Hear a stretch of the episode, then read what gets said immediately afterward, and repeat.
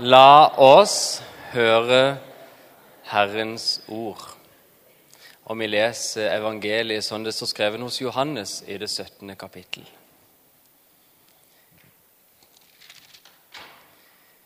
Jeg ber ikke bare for dem, men også for dem som gjennom deres ord kommer til tro på meg. Må de alle være ett, slik du, Far, er i meg og jeg i deg. Slik skal også de være i oss, for at verden skal tro at du har sendt meg. Den herligheten du har gitt meg, har jeg gitt dem, for at de skal være ett, slik vi er ett. Jeg i dem og du i meg, så de helt og fullt kan være ett. Da skal verden skjønne at du har sendt meg, og at du elsker dem slik du har elsket meg. Far, du har gitt meg dem, og jeg vil at de skal være der jeg er, så de får se min herlighet, den du har gitt meg fordi du elsket meg før verdens grunnvoll ble lagt. Rettferdige Far, verden kjenner deg ikke, men jeg kjenner deg og disse vet nå at du har sendt meg.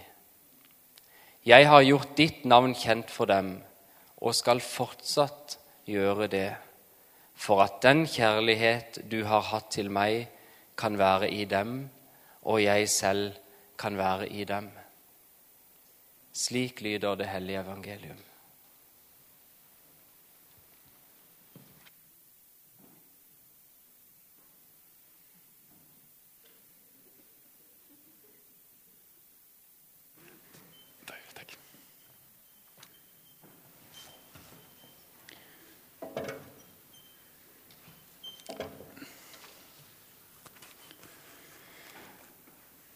Ja, tusen takk for uh, at jeg får lov til å komme hit i dag. Det er jeg så glad for. Det er som Jon Olav sa, så har jeg lang bakgrunn fra Storsalen. Jeg har både jobbet her, jeg har gått her, og jeg har opplevd mye viktig i dette rommet her, sånn som sikkert flere av dere har gjort. Til og med vært her litt i ungdommen jeg bodde ikke så altfor langt unna her. Og hvis du så meg i ungdommen, så så du sikkert en ganske sånn lik versjon av meg selv, sånn i hvert fall hva som angår klesstil. For jeg har liksom hatt akkurat samme klesstil hele livet. Og det gjorde at uh, alle kompisene mine begynte å kalle meg for Basis-Bendik, for jeg hadde så mange basisplagg. Så da jeg fikk mail i forrige uke fra Dressmann hvor det sto 'Bendik, har du nok basisplagg i garderoben?' Så tror jeg ikke helt de visste hvem de hadde med å gjøre. For det har jeg. I dag så um, har vi en basistekst. Kirkeåret er full av fortellinger om Jesus, og noen av de går liksom rett inn i basisen, i kjernen av hva det vil si å være kristen, og det er det jeg skal snakke om i dag. Den teksten som eh, vi akkurat hørte så fint lest, den er den eneste omfattende bønnen som Jesus ber, som vi kan lese om i Bibelen. Altså Han ber noen andre ganger òg, men da er det enten for å lære oss å be, eller så er det litt sånn kortere bønner. Men denne er den store bønnen som han ber, og han ber den på et punkt som er ganske spesielt. For han ber den bønnen samme dagen som han blir forrådt. Dagen før han blir korsfestet. Og han har samlet disiplene sine, som har gått sammen med han i tre år og som nå kommer til å få historien radikalt endret. Og så samler han de sammen, og så har han en sånn hjerte-til-hjerte-prat. Og i kapittel 13, 14, 15 og 16 så gir han de alt det han tror de trenger for å møte den tiden som venter de. Og i kapittel 17 så ber han og da ber han først for forholdet sitt til Faderen. Og så ber han for de elleve disiplene som han er sammen med. Og så fra vers 20, som vi leste fra nå, så ber han for deg. Da ber han for deg som sitter her, og som er en av de som har kommet til tro, eller som lever et sted hvor vi tror på det som han forkynte oss. Og han ber om at vi alle skal forsøke å leve i Hans ånd. Han ber om at vi alle må være ett, slik som Faderen og Sønnen er ett.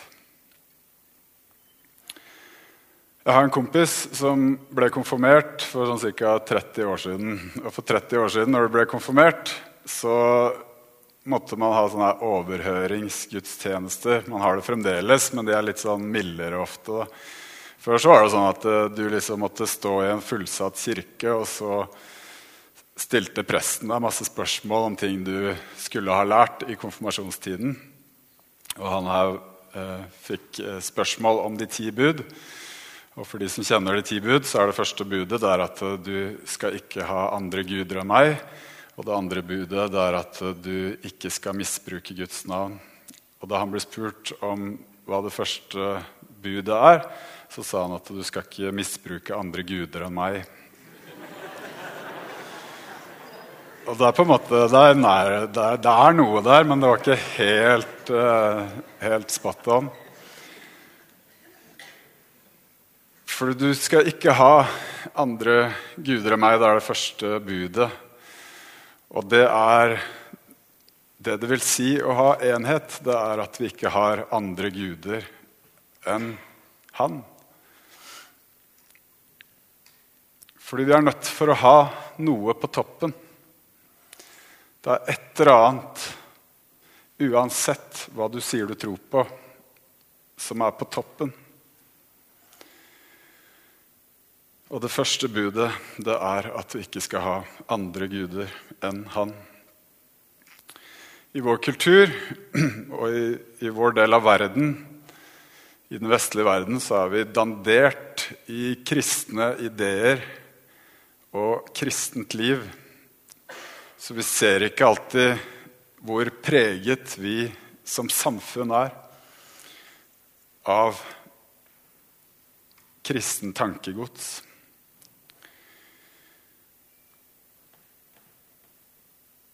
Vi er fremdeles samlet om alle individers frihet og alle menneskers ukrenkelige verdi. Men det er mange som mener at vi bør ha andre guder enn Gud. Og det er mange som mener at uh, vi ikke lenger kan være et kristent land. Det var det som var poenget til Nietzsche. Nietzsche var en tysk filosof som levde på slutten av 1800-tallet. Det var han som sa at Gud er død. Og han var egentlig en veldig dyp tenker. Altså, han er vel verdt å lese. Poenget hans det var det at uh, hvis ikke vi tror at Gud finnes, da må vi slutte å være kristne. Da må vi bygge opp noe nytt som er på toppen, som vi alle navigerer etter.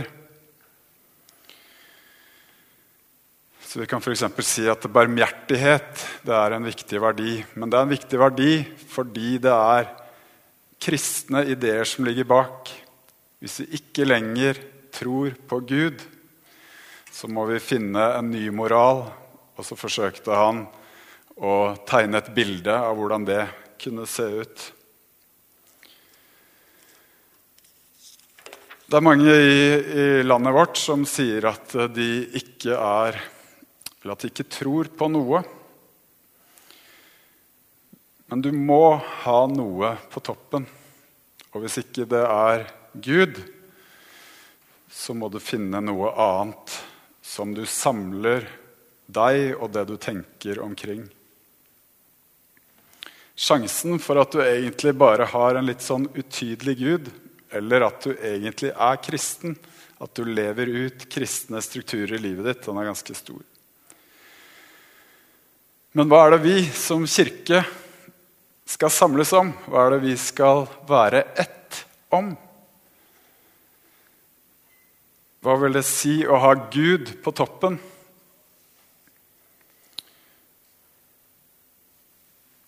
Er det læren om Gud?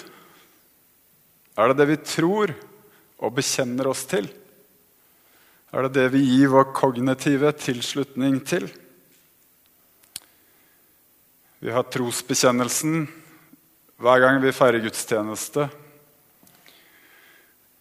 Og vi er i kirken opptatt av lære. Jeg vet ikke om du vet det, men det er 33 000 forskjellige protestantiske kirkesamfunn i verden. Det er ikke så lett å liksom vite det helt sånn eksakte tallet. Men det er ganske mange forskjellige retninger, og det er bare innenfor én del av kristendommen. Det er i hvert fall nok til å tenke at eh, kanskje vi i Storsalen 2023 ikke har liksom den komplette fasiten. Sannsynligvis så har vi mye som samsvarer med det andre tror på, og mye av det som er kjernen i det viktige, men det kan godt hende at det er ikke alt vi treffer helt på. Jeg tror det er viktig at vi vet at lære, det er ikke Gud. Det er ment som en hjelp til Gud. Det er ikke læren først og fremst som skal forene oss. Vi kan helt fint leve med uenigheter på det. I hvert fall så lenge det ikke går på bekostning av det som skal samle oss. Og det som skal samle oss, det er kjærlighet. Og da snakker jeg ikke om den lettvinte kjærligheten som vi lett kan redusere det til. Jeg snakker om den urettferdige kjærligheten, den ufortjente. Den kjærligheten som er annerledes enn vennskap eller lidenskap, hvor det er en viss gjensidighet. Jeg snakker om den kjærligheten som utholder alt, som tror alt, som håper alt, og som tåler alt.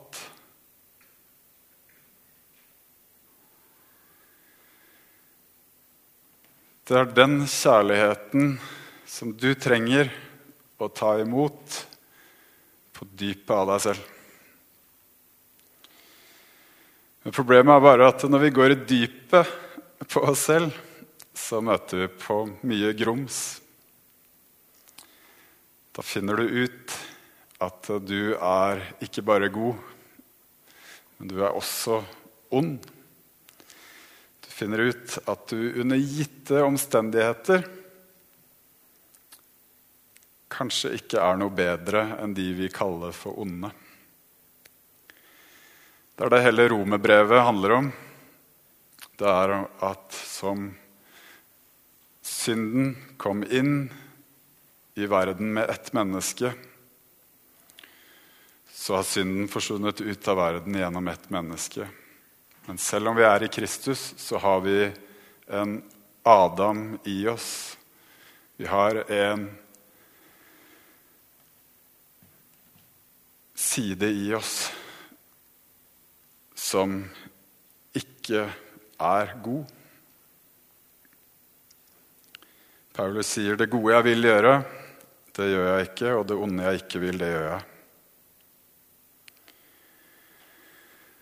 Og Det er derfor vi ofte unngår å gå inn i sånne forpliktende relasjoner.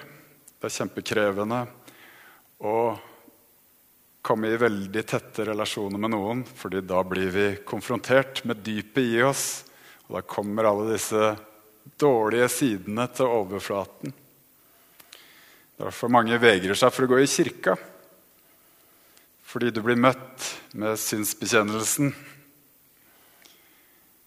og du må erkjenne at du selv ikke er så god som du skulle ønske at du var. Det er nok mange som har opplevd sår fra kirken som reelt sett har blitt dårlig behandlet. Men det kan hende at mange også bare har støtt på seg selv og støtt på det som man helst vil unngå å møte i seg selv. Og da er det enklere å distansere seg, og det er mange som eksternaliserer ondskapen og sier at 'den er der ute', 'den er hos de', 'den er hos de som ble nazister', 'den er hos de rike som ikke tar hensyn til de fattige', 'den er hos de andre'. Men du er kalt til å se på deg selv og erkjenne at jeg er også en som de. Og på det punktet bli møtt av den kjærligheten som Gud har til deg. Jesus ba om at vi skal oppleve at den kjærligheten som Gud har til Kristus, den har han til deg. Den samme kjærligheten som Gud elsker Jesus med, den elsker han deg med.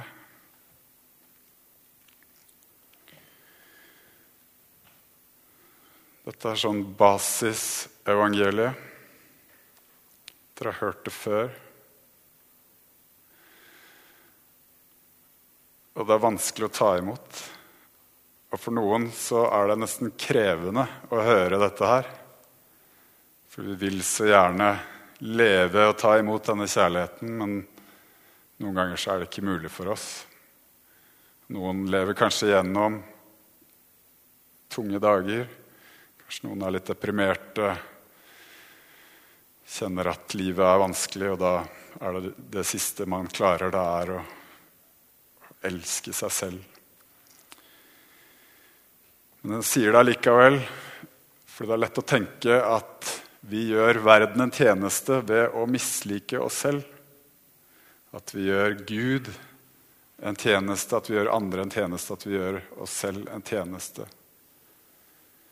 Men de gjør ikke det, og det er i dypet der hvor du kjenner at det er mørkt, at hvis lyset kan bli fylt, hvis Guds kjærlighet kan komme inn i det,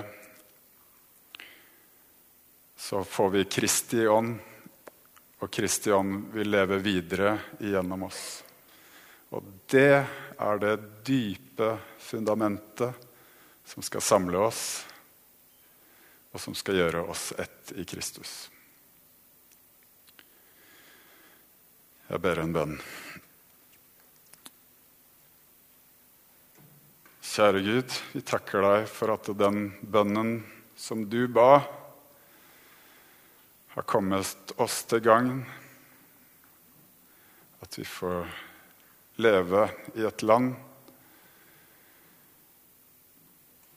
hvor det som du har forkynt, i stor grad lever videre.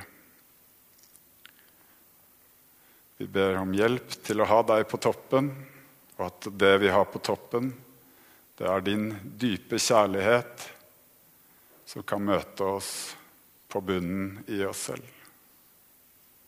Amen.